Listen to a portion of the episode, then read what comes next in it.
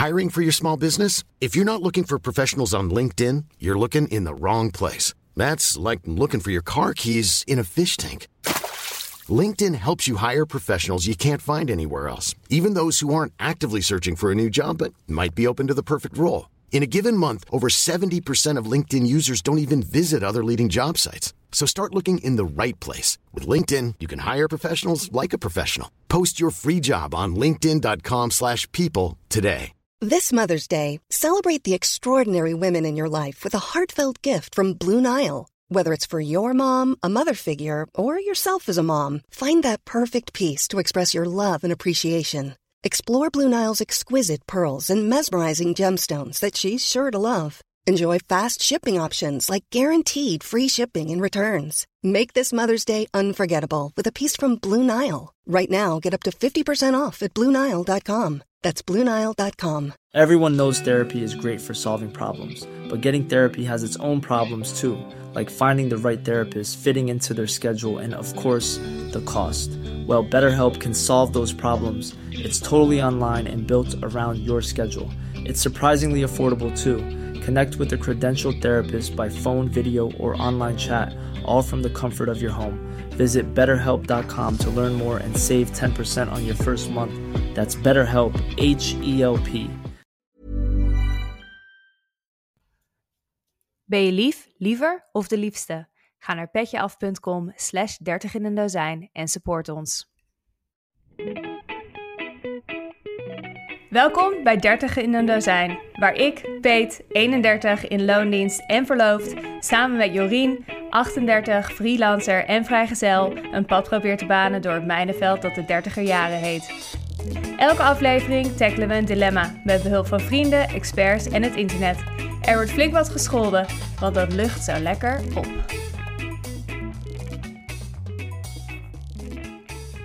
De vraag van vandaag is: hoe koop je een huis? En we willen antwoord krijgen op de vragen zoals: hoe koop je als alleenstaande een huis? Hoe belangrijk is het, van het hebben van een aankoopmakelaar? En hoe hoog is de hypotheek die je kan krijgen op basis van je salaris? We hebben nog veel meer vragen, maar Jorien, begin. Ik woon midden in het centrum in een van de leukste straten van Amsterdam. In een huurhuisje, wat ik tien jaar geleden met heel veel mazzel voor een prikje heb kunnen huren. Daar viel toen en valt nu tegenwoordig niet tegenop te kopen. En na tien jaar is de huurprijs nog steeds heel schappelijk. Op een muis hier en daarna. Maar goed, ook ik besef me dat een huis een investering is. Misschien zelfs wel mijn pensioen. Zeker nu ik sinds kort aan het freelancen ben. Ik heb nog een jubelton te goed die ik eventueel zou kunnen uitgeven aan een huis. Maar ik zou me god niet weten aan welk huis. Want in Amsterdam een huis kopen lijkt kansloos momenteel. Zeker als ZZP'er. En ik zie mezelf ook niet als vrijgezel drie hoog, vijf achter in Schubbekutteveen wonen. Omdat ik zo nodig een huis moet kopen ten behoeve van mijn pensioen. Ik ben een van die mazzelpickies die een jubelton heeft gekregen. En daardoor heb ik samen met mijn zus twaalf jaar geleden een appartement kunnen kopen in Amsterdam. Daar heb ik zelf met jaren, uh, jaren met plezier gewoond. Tot we het recentelijk hebben verkocht met belachelijke overwaarde. En een bedrag dat we totaal niet hadden kunnen voorzien, twaalf jaar geleden. Ik heb nog gekeken of ik mijn zus kon uitkopen. Maar omdat ik er zelf niet woon, moest ik 8% rente betalen op de hypotheek. En zou er weinig overblijven onderaan de streep. Um, ik woon nu in een huis dat volledig van mijn partner is. Maar we splitsen de kosten wel 50-50. Laten we beginnen met wat uh, facts en figures. De facts en figures van vandaag. De gemiddelde transactieprijs van een bestaande koopwoning is 438.000 euro en is sinds ze zijn begonnen met bijhouden in 1995 het hoogst.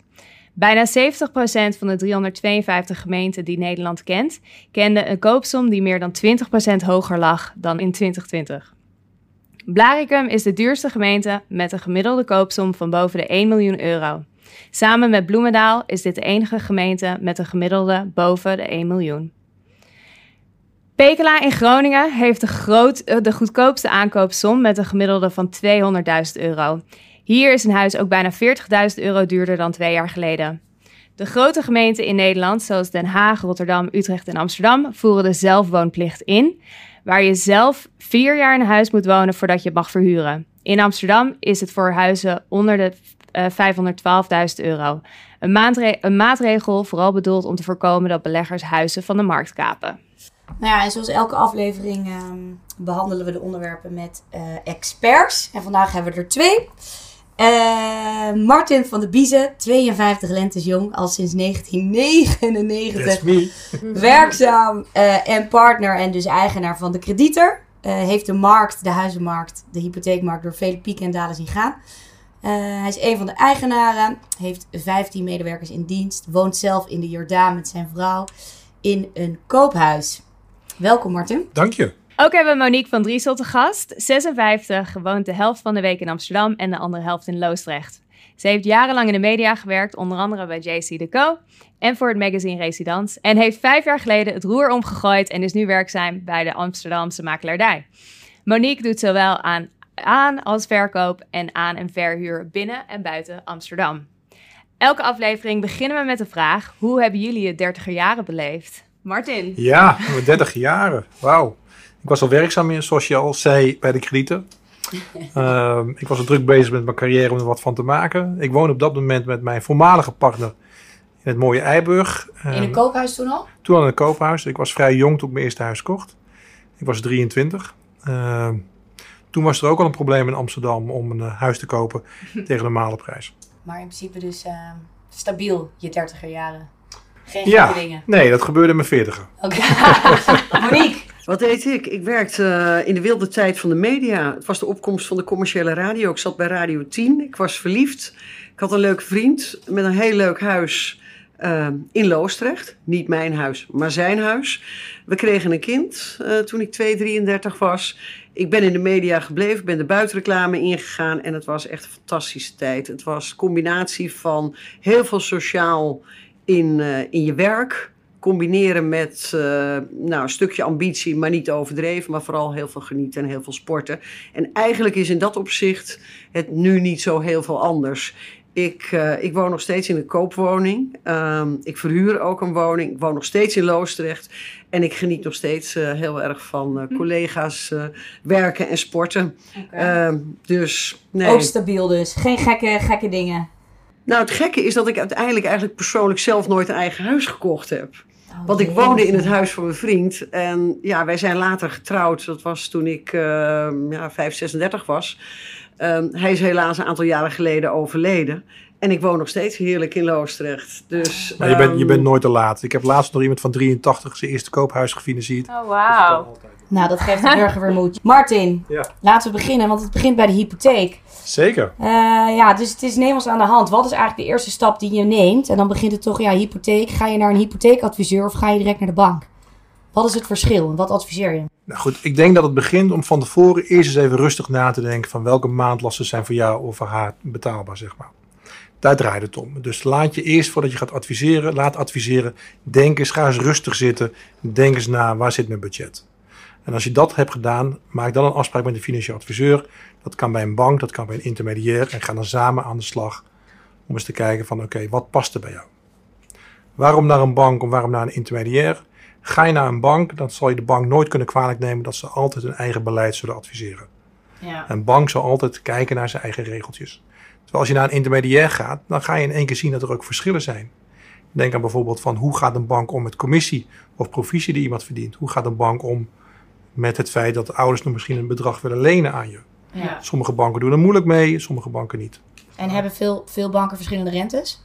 Rentes kunnen altijd wijzigen. Rentes kunnen verschillend zijn. Dat heeft te maken met uh, uh, de ene bank heeft op een bepaald moment honger. Die wil nog een bepaalde productie wegzetten. De andere bank uh, heeft misschien al voldoende productie dit jaar gedraaid. Dus iedere maand zitten er wijzigingen in banken. Oké, okay, maar jij, jij adviseert dus in principe alle banken kan je adviseren. Het is niet dat Laten jij... we zeggen dat we het grootste deel van de banken kunnen adviseren, zeg maar. Ja. De meerderheid. Okay. En, en dat is ook belangrijk om te weten dat meer dan 60, 70 procent van de banken kan je alleen maar aankopen als je naar het intermediair toe gaat. Omdat ze geen rechtstreekse verkoopkanalen hebben. Oké, okay, dus ik kom bij jou aan en dan... Uh, Krijg je met, koffie? Met, met, en dan met, zijn, met mijn salaris. En dan is natuurlijk nu eigenlijk de handvraag. Wat kan je nu aan een hypotheek nog krijgen op ja. basis van je huidige salaris? Nou, je kan ongeveer zo'n 4,5 à 5 keer, 5,5 keer je inkomen financieren.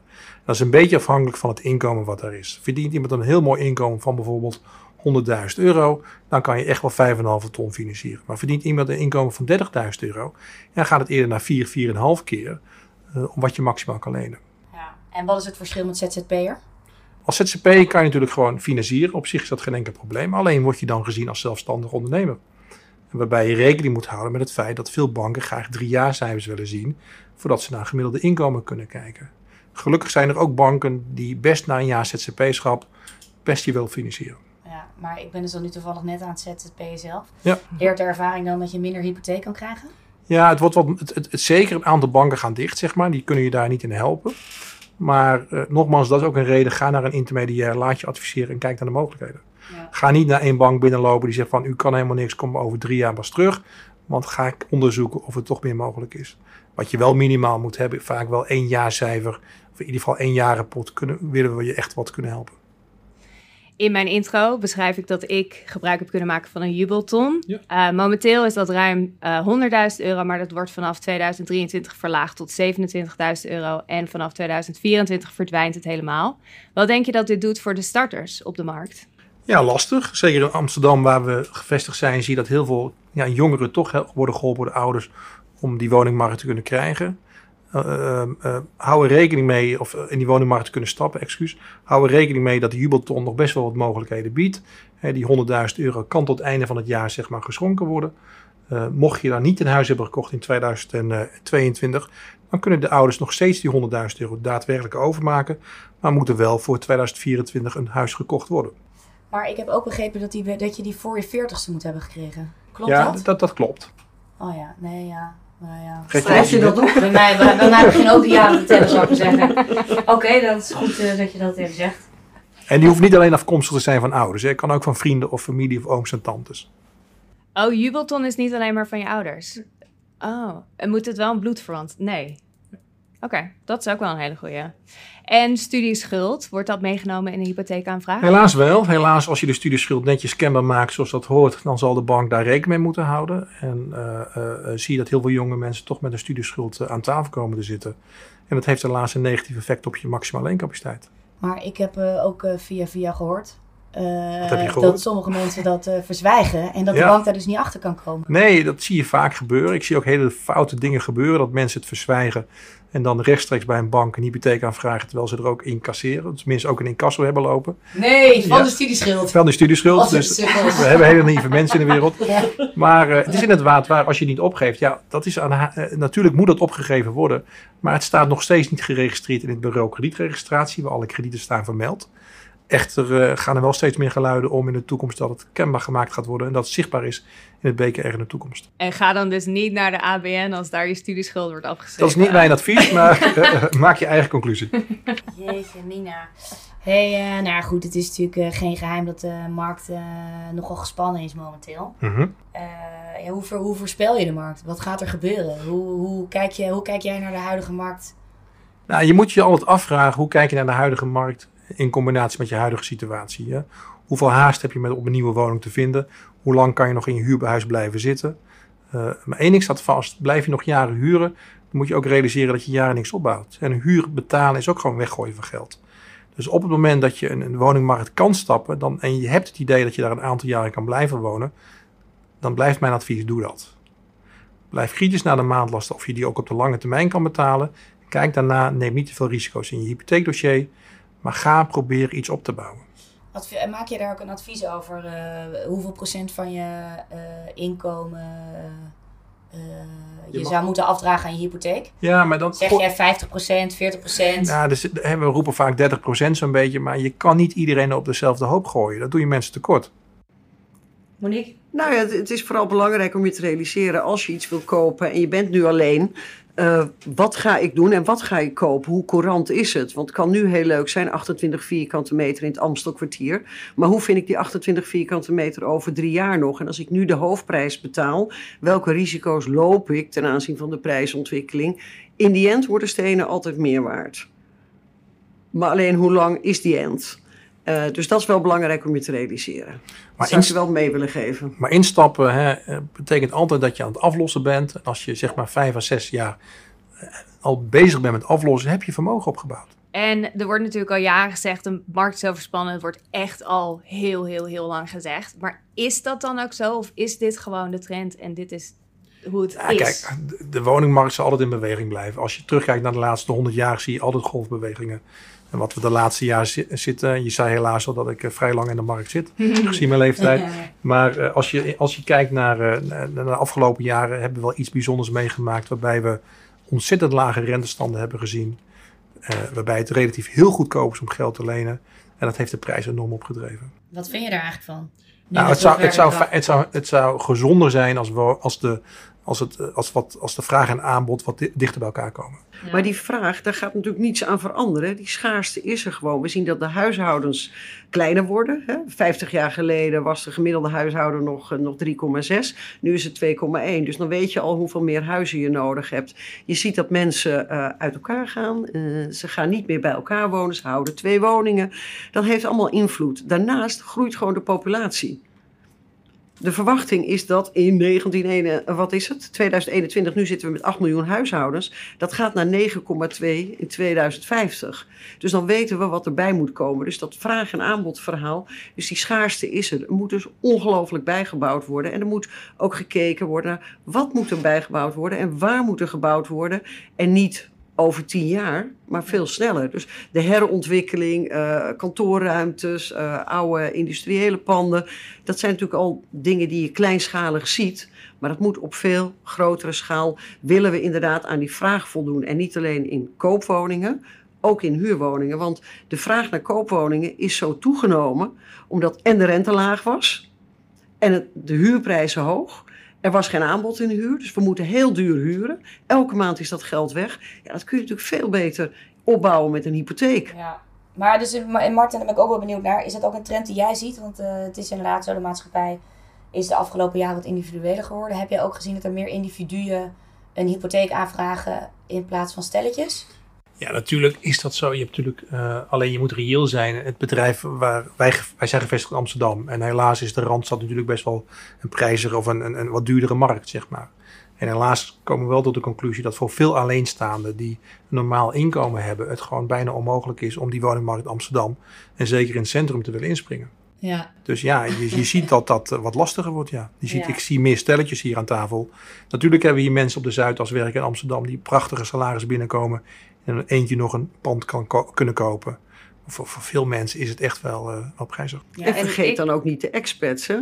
Die hier met veel geld komen en Ja. Een 30% ook een stuk van de markt wegpakken. Ja. En daar liggen de prijzen nog relatief gezien laag voor. Want als we vergelijk de prijzen hier in Amsterdam met, met, met Londen, bij wijze van spreken. Parijs. Ja, wij zien gewoon als de nieuwe Amsterdamse dat het het grootste gedeelte, meer dan 50% van de huizen die we afgelopen jaar verkocht hebben, is wel aan expats geweest. En Monique en Martin, hoe- ehm, je hebt het over stelletjes die hier veel, hier veel komen. Ik heb een huis gekocht samen met mijn zus toen er tijd. Hoe kijk je daar tegenaan? Met een familielid, met Nou, een je- je vriendin? Nou, kijk, ik begrijp en ik begrijp er is woningnood. Er is behoefte om te wonen. Men wil, eh, men wil ruimte hebben om zelf ook een huis, of tenminste, men wil zelf ook prettig kunnen wonen. Alleen als je niet de ideale partner in je leven nog gevonden hebt, zul je vaak naar alternatieven gaan zoeken. En ik zie inderdaad twee zussen, twee vriendinnen, eh, eh, eh, twee vrienden een huis kopen. Alleen daar zit, kijk ik ook wel kritisch tegenaan. En waarom? Nou, kijk, het kopen is vaak leuk. Dat met z'n twee iets doen is vaak, dat gaat altijd goed. Dan hebben we vaak een positief iets. Maar dat kan zo gebeuren dat een van die twee net even eerder de ideale partner in zijn leven vindt dan die ander. En hoe ga je dat dan doen? Hè, ik bedoel, degene wil zijn overwaarde meenemen. Eigenlijk krijg je dan een moment dat beide verplicht moeten gaan verhuizen, omdat eentje door moet en de ander komt eigenlijk nog wel verder in de problemen. Want de een moet dan de ander uitkopen. En dat is Dat gaat vaak eh, niet. Dat gaat vaak niet. Dus dan, dan, eh, dan ja. Kan je die rente nog eens toelichten? Want daar heeft iedereen natuurlijk over. Ik bedoel, Ja. die, eh, mijn huizenmarkt is natuurlijk zo enorm gestegen. Zo Ja. gespannen geraakt. Doordat de rente zo laag was. Waarom was de rente zo laag? En waarom gaat die nu omhoog? Ja, de inflatie loopt op, dat zien we gebeuren. Er gebeurt natuurlijk veel in de wereld. We Ja. hebben natuurlijk de hele zielige verhalen uit Oekra- Oekraïne natuurlijk, wat, wat effecten met zich meebrengt. de rente is de afgelopen zes weken eh, bijna een procentpunt gestegen. Dat is veel. Ik heb mensen die ik eh, drie maanden geleden aan tafel hebben gehad als zoeker, eh, berekeningen gemaakt van wat kan je maximaal lenen. En dan komen ze nu terug. Ja, dan moet ik ze teleurstellen. En dat betekent helaas dat ze soms wat minder kunnen lenen. Dus Dan moeten ze hun wensen bijstellen. moeten de wensen bijstellen. Ja. Minder vierkante meters, andere locatie, eh, minder budget, eh, minder verbouwen. En dat wil men natuurlijk niet, uh, niet graag. En dan hebben we het nog maar over zes weken, wat jij nu zegt. Nou, wij hebben verschillende zoekers in het profiel zitten waar we al of in het portfolio zitten waar we al anderhalf jaar mee bezig zijn, die 30, 31 jaar zijn, nog steeds samenwonen met een vriendin, ooit in een studentenhuis met meerdere hebben gezeten en nu zeggen we ja, ik wil wel dus nu echt iets van mezelf hebben. En die lopen achter de feiten aan. Hebben afgelopen jaren een aantal keren biedingen gedaan, hadden een budget van 3,5 ton. Biedingen gedaan, helaas uh, ja, niet kunnen kopen. En inmiddels hebben ze nog steeds hetzelfde budget. Maar de markt is wel doorgegaan. Dus ze kunnen datzelfde huis kunnen ze sowieso al niet meer opbieden. Want datzelfde huis wat toen vraagprijs 3,5 had of voor 3,5 wegging, gaat nu voor 4 ton weg. En dat is heel schrijnend. Ja, aan de andere, ja. Kant, aan de andere kant moeten we nog steeds wel vaststellen dat de rente nog steeds, nog erg laag staat. Ik bedoel, hij is een procent gestegen. Maar we zaten natuurlijk extreem, extreem laag. Maar waarom was dat eigenlijk? Ja, uh, uh, waarom dat was, vind ik lastig om helemaal uit te leggen op deze podcast. Oh, okay, nee, maar, maar, maar, blij van van die Maar uh, het is wel een feit dat die extreem, als je terugkijkt naar de laatste 100 jaar, dat die exorbitant laag, hij heeft nog nooit zo laag gestaan. Dus dat we nu een procent omhoog zijn gegaan, dat wil helemaal niet zeggen dat de rente extreem hoog staat. Alleen waar kijk je naar? Wat vergelijk je? Mijn eerste rente was 8,2 procent en mijn ouders hebben ooit 12 procent gehad. Nee, te normaal. Hoeveel is nu? Nou, als je nu 20 jaar vastzet en wat mensen toch nog graag wat willen, wat langere rente vastzetten, dan zit je ergens op 2,8 procent. Absurd. En voordat we naar de makelaarskant gaan, wil ik nog heel graag vragen: um, hoe sta je achter investeren in huizen? Heeft het nut om een huis te huren in Amsterdam omdat je hier graag wil wonen, maar een huis te kopen in Den Bosch bijvoorbeeld en het te verhuren? Kijk, een verhuur, een woning kopen en een woning gaan verhuren is een hele andere tak van sport. Daar moet je gewoon een hoop eigen geld mee gaan nemen.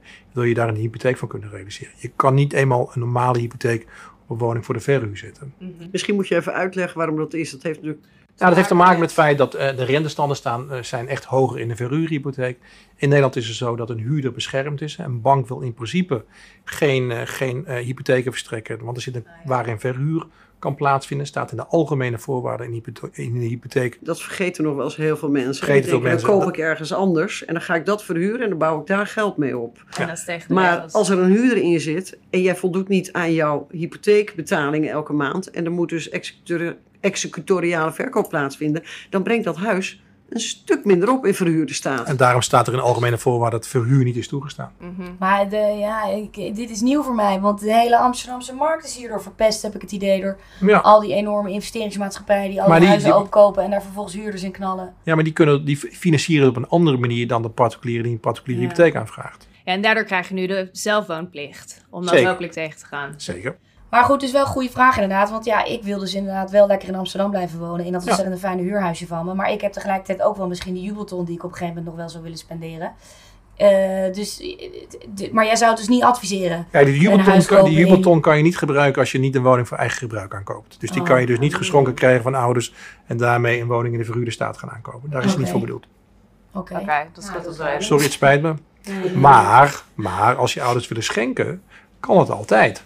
Alleen je moet bereid zijn om iets van schenkbelasting te betalen. En dat is 10%? Dat is, zeg maar voor die ton, is dat tussen ouders en kind iets van 10%. Ja. ja. ja. Hiring for your small business? If you're not looking for professionals on LinkedIn, you're looking in the wrong place. That's like looking for your car keys in a fish tank. LinkedIn helps you hire professionals you can't find anywhere else, even those who aren't actively searching for a new job but might be open to the perfect role. In a given month, over 70% of LinkedIn users don't even visit other leading job sites. So start looking in the right place. With LinkedIn, you can hire professionals like a professional. Post your free job on linkedin.com slash people today. Quality sleep is essential. That's why the Sleep Number smart bed is designed for your ever-evolving sleep needs. Need a bed that's firmer or softer on either side? Helps you sleep at a comfortable temperature? Sleep Number smart beds let you individualize your comfort so you sleep better together. JD Power ranks Sleep Number number 1 in customer satisfaction with mattresses purchased in-store. And now, save 50% on the Sleep Number limited edition smart bed for a limited time. For JD Power 2023 award information, visit jdpower.com/awards. Only at a Sleep Number store or sleepnumber.com. Hey, uh, ja, je kan natuurlijk geen huis kopen zonder een makelaar. Het begint natuurlijk bij jou. Maar voordat we uh, verder gaan met Monique, is er iets wat ik ben vergeten te vragen?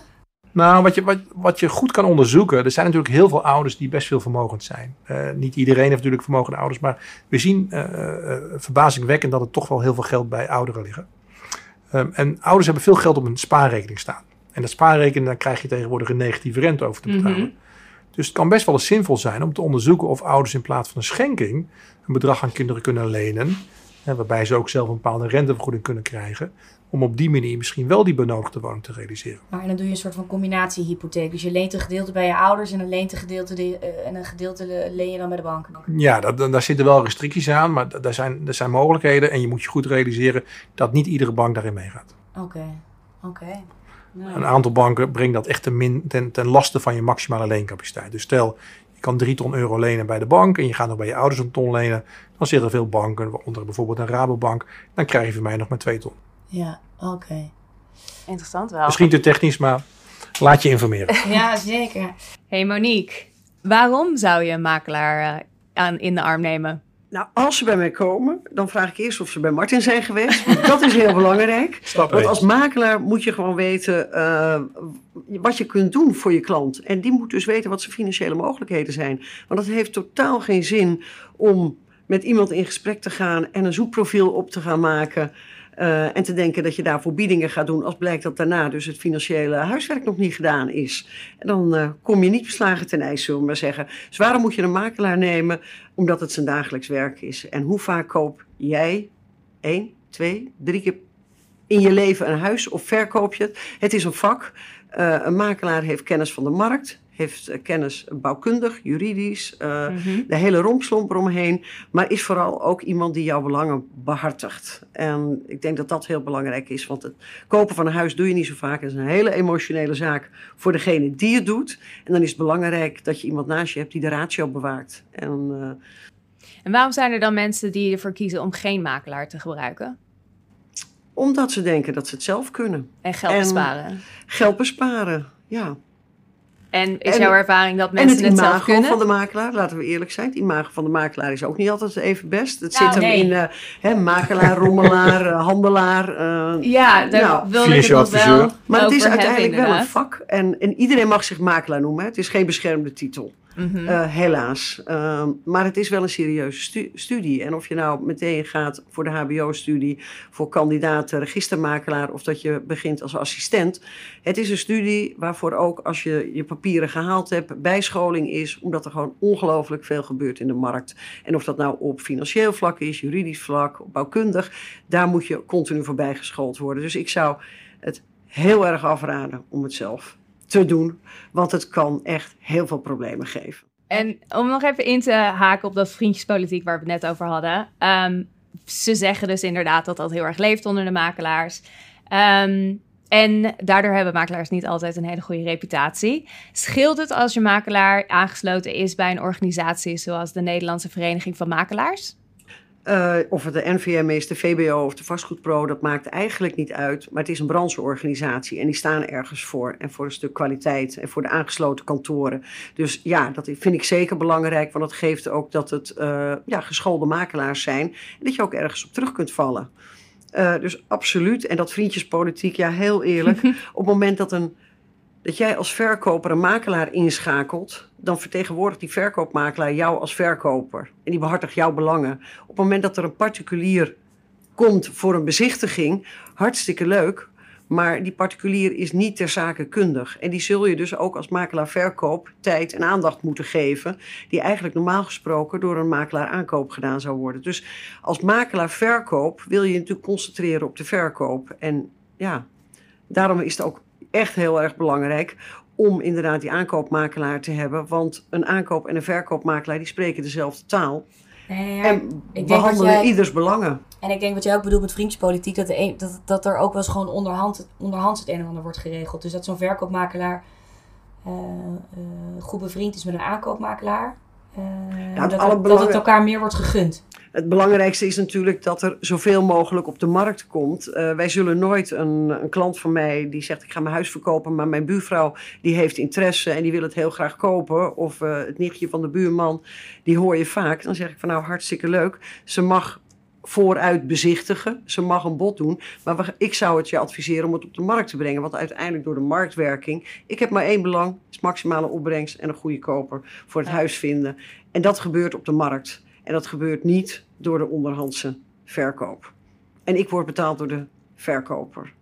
Ja, nou, jij staat aan die kant natuurlijk. Ja. Ehm, hoeveel wordt er momenteel overboden? Heb je daar enige informatie over? Daar heb ik zeker informatie over, want daar gaan de gekste getallen over in. Je moet minimaal 10% overbieden. Of je moet overbieden hangt natuurlijk allereerst af van de vraagprijs. Is die vraagprijs reëel? Je ziet helaas ehm, dat er een tendens is in de verkoopstrategie van makelaars om wat lager te prijzen, om daarmee een grote aanloop te genereren. Terwijl dat eigenlijk niet nodig is, want er is zoveel vraag dat als je meer reëel zou prijzen en echt op basis van actuele referentie verkopen, kun je gewoon heel goed. We hebben zo ongelooflijk veel data in ons eh, bestand zitten, waardoor je reëel kunt prijzen op basis van de meest actuele verkopen. En dan is dat overbieden, hè, waar, waar ja, gewoon de kopers zo angst voor hebben, niet nodig. Dus eh, allereerst de beoordeling ook weer van die aankoopmakelaar, is die vraagprijs reëel? Maar hoeveel moet je overbieden? Hoeveel is er overboden? Als we Ja. het gewoon even over de feiten hebben.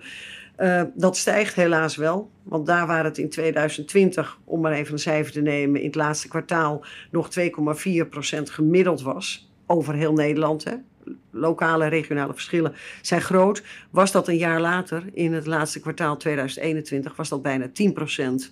En als je dan gaat kijken naar hoe vaker wordt overboden, dan is dat niet altijd. Hè, want altijd zou zeggen 100%, alles gaat boven de vraagprijs verkocht worden. Wij zien elke dag eh, alles wat binnenkomt, nieuwe aanmeldingen, maar ook degene die afgemeld worden met transactieprijzen. En het is niet zo dat alles boven de vraagprijs weggaat. In het laatste kwartaal van 2021 was dat 80%. Ik ben eh, regel- regelmatig ben ik toch nog eens verrast als ik een kandidaat koper binnenkrijg die een huis heeft gevonden en dat hij hem om de vraagprijs Ja. krijgt. Dan zeg ik, hoe heb je dat gedaan? Dat is echt een uitzondering. Ja maar, ja, maar daarom deze vraag ook. Het is natuurlijk zo'n absurde trend inderdaad. eh, dat je gewoon, je ziet de prijs op Funda staan voor laten we zeggen 5 ton. En dan is inderdaad gewoon de vraag, hoeveel procent moet je overbieden om het huis binnen te kunnen hengelen? Want voor 5 ton krijg je hem dus niet meer. Nee, maar goed, als die kandidaat koper zich realiseert dat die 5 ton niet die reële marktprijs is, dan ga je ook anders tegen overbieden aankijken. Maar dat is dus de conclusie die we kunnen, kunnen trekken. Dus dat, die prij, dat die, de prijzen die we dus op Funda staan, dat het dus eigenlijk te lage prijs is. Nou, omdat dat- we dus meer, omdat In de huidige markt. In de omdat huidige ze meer markt. aanloop willen genereren. Maar je zal ook moeten kijken van wat is de strategie van de verkopende makelaar, wat Monique zegt. Hè, als- Maar kan je zo'n makelaar daar dan niet op aanspreken? Nou, dat wordt eh, zeker wel eens gedaan. Dat je zegt van god, dan, dan kom je bij zo'n huis. Want dan heb jij een zoeker en denk je van nou ja, oké, het zou leuk zijn. Maar ik heb, je, je hebt sowieso, je gaat al naar huizen toe die lager geprijsd zijn ten opzichte van het budget wat je hebt.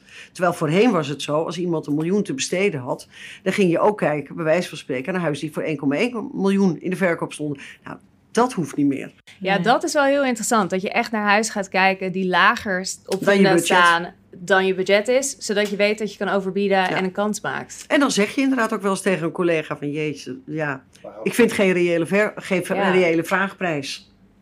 Maar, eh, Maar het is geen trend. Het is moeilijk die trend te doorbreken. ja, blijf bij jezelf. En eh, misschien komt er weer een moment waarop we dat allemaal wat, wat reëler gaan doen. Ja. Want dat overbieden is ook pas van de laatste twee jaar.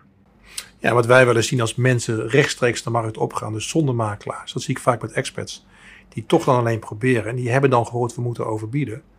Maar dan begrijpen ze soms niet de strategie van een bepaalde woning, dat die wel duur geprijsd gaat worden, is op Funda. Dat mensen daarop gaan overbieden. En dan uiteindelijk veel te veel hebben betaald. En dan moeten wij vervolgens die financiering gaan realiseren. En dan moeten we een taxatiegebod hebben van de waarde van die Ja. woning. Ja. En dan wordt die woning niet getaxeerd op het juiste bedrag. En dan? Dat betekent dus dat de koop ontbonden moet worden of men moet meer eigen geld mee gaan nemen. Ik heb eh, ook wat dat betreft echt wel voorbeelden dat mensen zich ook laten afschrikken. Hè? Want dan krijgen we zo'n eh, zo'n zo'n rondje bezichtigingen. En dan lopen er heel veel mensen en dan wordt iedereen heel nerveus. En hebben ze al het idee dat ze geen tweede bezichtiging meer kunnen doen. Ik ben daar enorm tegenstander van. Want ja, ik zei altijd van een spijkerbroek doe ik langer over om te kopen, bij spreken, dan een huis. En je krijgt 10 minuten, 20 minuten de kans om door een huis te lopen. Eh, wij proberen daar niet aan mee te doen. Hè? Dus altijd de kans te geven om ook nog een tweede bezichtiging te doen. Maar het idee dat er 40 mensen zijn die gaan bezichtigen, wil niet zeggen dat er 30 biedingen komen. Je wil niet weten hoe vaak er ook huizen worden verkocht, waar misschien maar twee of drie biedingen op Ja, je hebt er Dus maar één nodig. Je hebt er dus maar één nodig. Dat zeg ik bent. letterlijk. En ik heb vorig jaar een keer een huis verkocht. Ik zeg het heel eerlijk. Aan een particulier, aan een expert. Die veel te veel geld had geboden. En hij was de enige die geboden had. Over het idee waarom je makelaar mee moet nemen. Geen medelijden mee. Ja, dan voel je je wel een beetje een aap gelogeerd, ja. Maar zijn eigen komt- fout. Ja, nee, Maar, totaal maar, daarom dus. maar, maar, la- maar laat je niet ontmoedigen. Ga gewoon aan de slag. Als je wil, spring die markt in en laat je adviseren. En bij- wees gewoon bereid om te zeggen van oké, ik, ik, ik moet tijd in dat traject stoppen om die ideale woning te vinden. Maar, maar jouw advies is wel uiteindelijk, stel ik zie een huis wat ik heel graag wil, om wel te overbieden dus. Wil je een realistisch pot neerleggen? Nee, dat hangt er vanaf. Wat de vraagprijs is en wat jouw aankoopmakelaar adviseert. Het enige wat wel belangrijk is, is wees altijd heel duidelijk in wat jouw grens is en wat, wat maximaal mogelijk is. Want hou rekening met wat Martin zegt, dat er daarna wel een taxateur komt die in verband met je hypotheek een taxatiewaarde gaat afgeven. En krijg je het dan inderdaad nog gefinancierd. Dus eh, hou het ook wel bij je eigen grens en je eigen limiet. Eh, in Amsterdam is erfpacht eh, speelt altijd enorm eh, een, een rol. Belangrijke rol in een groot aantal stadsdelen. Ja, maar wat, wat houdt het in? Kan je toelichten? Wat doet dat met de prijs? Ja, erfpacht, dat is natuurlijk eh, het- een huis wat gebouwd is op grond van de gemeente of particulier. Maar laten we ons even beperken tot, eh, tot de gemeente. Eh, bepaalt dat je elk jaar dus een bepaald kanonbedrag betaalt. Of dat je het afgekocht hebt. Het is heel actueel afgelopen jaren geweest in Amsterdam. Omdat je het nu weer onder gunstige voorwaarden hebt kunnen vastleggen. Heeft niet iedereen gedaan. Ja, hoe belangrijk was dat? Superbelangrijk. Ja? Oh, ik heb het die ook het niet niet gedaan. Nou, het is eigenlijk het verschuiven van het probleem. Kijk, op dit moment verkoop je alles. En de vraag is natuurlijk: ehm, ga je het afkopen of eh, klik je het in ieder geval vast, zodat het onder die gunstige voorwaarden ook voor nieuwe eigenaren gedaan kan worden straks? Want je hoeft het niet af te kopen als je maar wel het geregistreerd had. Ja. Heel veel expats hebben dat bijvoorbeeld niet gedaan. Ehm, ja, dat maakt wel een verschil op de verkoopwaarde uiteindelijk natuurlijk van je huis uit. Want staat er in dezelfde straat eentje waar het afgekocht is, of in ieder geval geregistreerd en de ander niet, dan zit daar een verschil in. Alleen kun je wel afvragen als een erfpacht over vijf jaar afloopt en je moet nu heel veel geld betalen, of dat uiteindelijk ook over vijf jaar de meerwaarde is. Ja, en ik heb het idee dat een heleboel huizen tot rond de, nou zeg maar tussen de 2030 en 2050 vastgelegd kunnen worden. Dus je ziet nu dat je erfpacht kan afkopen. Dus wordt tot, mijn huis was in ieder geval tot rond 2050. En ik denk dat veel huizen rond die data Dat zie je zitten. vaak zo. Ehm, maar het is dus wel heel belangrijk om dat te doen. En je hebt geen glazen bol, maar wat denk je dat er dan gaat gebeuren? Nou, de, de- als je het nu niet hebt vastgeklikt onder de gunstige voorwaarden, dan verleg je het probleem bij de nieuwe eigenaar. En die, die kanons, dat gaat eh, cumulatief en dat gaat jaar op jaar. Dus dat worden wel extreme bedragen. Maar kan je daardoor dan je huis zo meteen voor een lager bedrag verkopen? Nou, kijk, dat is ook helemaal afhankelijk van het moment wanneer jij je huis wil verkopen. In deze markt verkoopt bijna alles. Dat, alles. hè, dat is heel bijzonder, maar we hebben ook andere tijden meegemaakt dat je dat woningen in de verkoop stonden al langere tijd. Dus staan er vergelijkbare woningen in de verkoop waarbij de een een afgekochte erfpacht heeft en de ander loopt op korte termijn af. Dan zal die andere woning eerder verkocht zijn. Ja. En dat heeft natuurlijk ook met de financierbaarheid te maken. Erfpacht bepaalt voor een heel groot gedeelte, als je een jaarlijks kanon moet betalen, ook de mogelijkheden nog van je financiering. Ja, iedere 1000 euro erfpacht die je per jaar betaalt, zorgt ervoor dat je ongeveer zo'n 25.000 euro minder kan financieren. Jeetje mina, dat is wel Ja, een fors bedrag. Nou, Maar, eh, Maar de ja, verschillen zijn groot in erfpacht, afhankelijk van stadsdelen. Ja, Dus, maar je eh, ziet kijk je de houthavens, kijk je naar Noord, kijk je naar... eh, Maar veel nieuwbouwprojecten hebben best hoge erfpachten. ja, extreem. oh ja? ja, mijn appartement was een nieuwbouwproject. We hadden echt hoge kanon. Maar hoe, hoe voorspel jij de markt? De huizenmarkt, de prijzen? Dat gaat nog wel even door, helaas. Ja, dat heeft alles gewoon met de schaarste te maken. En de enige oplossing is ehm, dat, dat vanuit het kabinet moeten gewoon echt structurele oplossingen komen ten aanzien van regelgeving voor bouwen. Ehm, het vergunningstrajecten moeten korter worden, want er is gewoon schaarste. Maar voorspel je dan, eh, nou op de korte termijn dus weinig verandering. Maar nu weet ik dat Hugo de Jonge, de nieuwe minister van, eh, wat is het, woningen? Daar heb je alle vertrouwen in. Nee, daar Hij deed het zo eh, goed. Geven we naar de Daar voorkeur kunnen we weer een heel andere podcast over. Maar het- dat, die verwacht in 2023 100.000 woningen per jaar op te kunnen leveren. Eh, de vergrijzing gaat natuurlijk eh, ook een keer helaas ons verlaten. Ja. Die huizen komen ook weer vrij. Eh, verwacht je dan dat er, een, dat er een kentering plaats zal vinden? Nou, die doorstroming is het grootste probleem op dit moment. Er zitten ongelooflijk veel oudere mensen, oudere, sorry, 60 plus, die nog in te grote woningen zitten, die ze tegenhouden voor de doorstromers, de gezinnen daaronder. Aan de andere kant heb je ook met gemeentes te maken die met grote woningen zitten, die heel moeilijk doen over splitsen.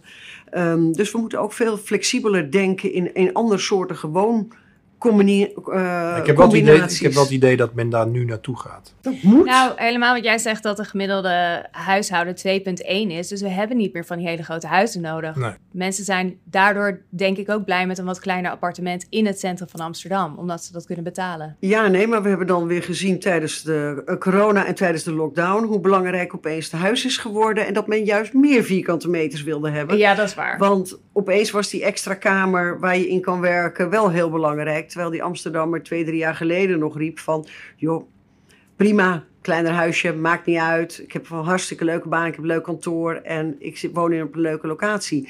Die gingen wel opnieuw op zoek naar een woning met een extra kamer... en het liefst toch eigenlijk wel met een balkonnetje of een buiten. Kijk, wat we wel hebben gezien door die corona is dat mensen veel meer thuis zijn gaan werken.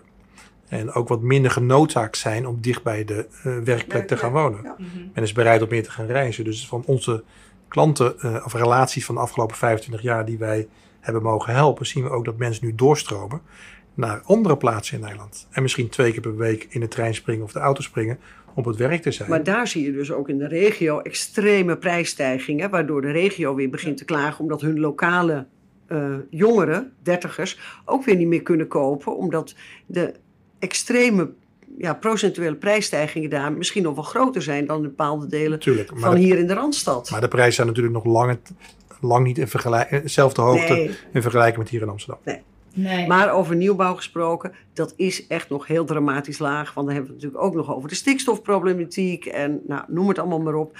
De nieuwbouw in Q4 2021 is all-time low geweest. Is 22% lager geweest dan een jaar daarvoor en is nog nooit zo laag geweest sinds 2012, 2013. Dus daar ligt wel een groot gedeelte van de oplossing. Flexibiliteit, regelgeving, nieuwbouw, andersoortig denken met de bestaande gebouwen die we hebben. Ja. Nou ja, we zijn alweer eigenlijk aangekomen bij de conclusie. Dus Martin, ik wil jou eigenlijk vragen... hoe Conclusie? Ja, Oh, ja, goed. Ja. Dus ja, hoe realistisch is het om een huis of een hypotheek in je eentje... Ja, conclusie zou ik zeggen, nogmaals even de stappen. Laat je goed informeren. Denk van tevoren goed na wat je zelf kan betalen, is mijn advies. Ga echt even in gesprek met ouders. Om te kijken of ze op een bepaalde manier kunnen helpen. Toch misschien dit jaar nog schenken.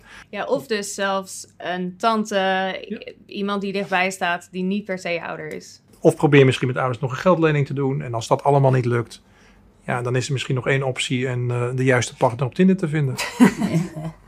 Ja, dat is misschien voor een volgende aflevering eh, een goed idee, Martin. Want het werkt, want ik ben een ervaringsdeskundige. Oh ja, ja, Ik ja. heb hem op Tinder gevonden. Heel goed. Maar Maar ja, en we zijn jij... niet gaan samenwonen, dus we wonen nog steeds in twee verschillende woningen. Kijk, Ja, maar dat is dan juist lekker. dat moeten we dus mee stoppen. Ja, daar moeten we mee stoppen. Ja, dat ben ik helemaal met je eens. Maar ja, wij kunnen niet kiezen tussen Loosdrecht en Amsterdam. Best of both worlds. Eh, wat betreft eh, tips en tricks, eh, eh, zorg dat je goed beslaagd ten ijs komt. Ga eerst bij Martin langs eh, en ga dan naar een, een aankoopmakelaar. En volg daarin je hart. Ehm, want, want het- je gaat echt een samenwerking met elkaar aan. Dus dat moet goed voelen. Dat is echt een, eh, een, een, een, een, kort huwelijk. Eh, kort als je snel slaagt, maar wees vooral flexibel. Blijf niet vasthouden aan het idee van al mijn vrienden wonen in de Pijp of in Amsterdam of in Rotterdam. Dus ik wil daar per se wonen. Eh, kijk eens verder dan je neus lang is, want er zijn echt nog heel veel andere leuke plekken en wijken waar je zou kunnen wonen, waar je misschien niet aan denkt. Daar kan ook die makelaar je vooral heel goed in adviseren. En denk daarbij ook ehm, dat die vriend en vriendin die nu in de Pijp of in Rotterdam woont, volgend jaar misschien ook wel ergens anders naartoe gaat. Want als er één schaap over de dam is, volgen er meer. En dat zie je al jaren eigenlijk overal. Dat, hè, waarom zijn wijken opeens populair? Je ziet Oost de laatste twee, drie jaar eh, enorm inhaalslag maken. Daar waar 15 jaar geleden West dat, eh, dat maakte. Dus eh, durf daarin ook voorop te lopen. Ehm, en hopelijk volgen dan eh, die andere schapen.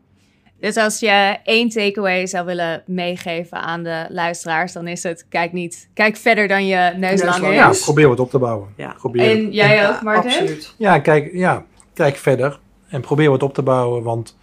eh, eh, Jij zou het dus ten alle tijden wel adviseren om een huis te kopen, ondanks dat... Nee, nee, ik probeer altijd wat te kijken van wat zijn de plannen van iemand voor de toekomst. Hè? Eh, Hoe flexibel en past het bij iemand? Maar nogmaals, eh, woningen worden niet, ja, die worden alleen maar duurder lijkt wel. Mhm. Zien we. Dus als je niks opbouwt, ja, hoe langer je ermee wacht, hoe moeilijker het voor de Loop toekomst je wordt. achter de feiten aan. Oké. En huren is ook niet erg. Alleen in de huidige markt is huren helaas ook heel duur. Ja, het is Ja. kiezen uit... Dus eh, daar bouw je. Helaas. Ja. ja, oké. Oef. Hoe Daarin voelt ben jij de lucky bastard met je leuke huurprijsje in je leuke huis in een hartstikke leuke straat. Ja, waar dus niet tegenop valt te kopen. Maar Ja. tegelijkertijd, ja, weet je. En of, ik Je bouwt ook- niks op. Ik bouw niks op. En ook ik wil natuurlijk een appeltje voor de dorst.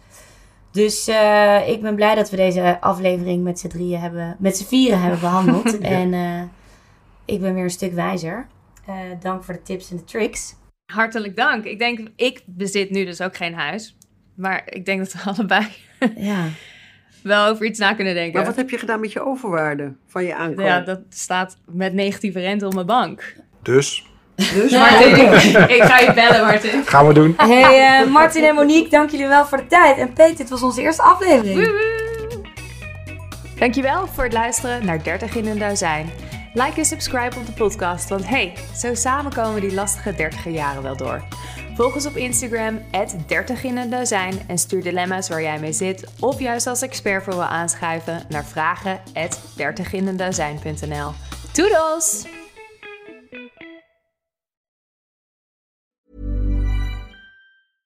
Imagine the softest sheets you've ever felt. Now imagine them getting even softer over time. That's what you'll feel with Bowl and Branch's organic cotton sheets. In a recent customer survey, 96% replied that Bowl and Branch sheets get softer with every wash. Start getting your best night's sleep in these sheets that get softer and softer for years to come. Try their sheets with a 30-night guarantee. Plus, get 15% off your first order at bowlandbranch.com. Code BUTTERY. Exclusions apply. See site for details. Planning for your next trip? Elevate your travel style with Quince. Quince has all the jet setting essentials you'll want for your next getaway, like European linen, premium luggage options, buttery soft Italian leather bags, and so much more. And is all priced at 50 to 80% less than similar brands. Plus, Quince only works with factories that use safe and ethical manufacturing practices. Pack your bags with high-quality essentials you'll be wearing for vacations to come with Quince. Go to quince.com slash pack for free shipping and 365-day returns. Mom deserves the best, and there's no better place to shop for Mother's Day than Whole Foods Market. They're your destination for unbeatable savings, from premium gifts to show-stopping flowers and irresistible desserts. Start by saving 33% with Prime on all body care and candles. Then get a 15-stem bunch of tulips for just $9.99 each with Prime. Round out Mom's menu with festive rosé, irresistible berry chantilly cake, and more special treats. Come celebrate Mother's Day at Whole Foods Market.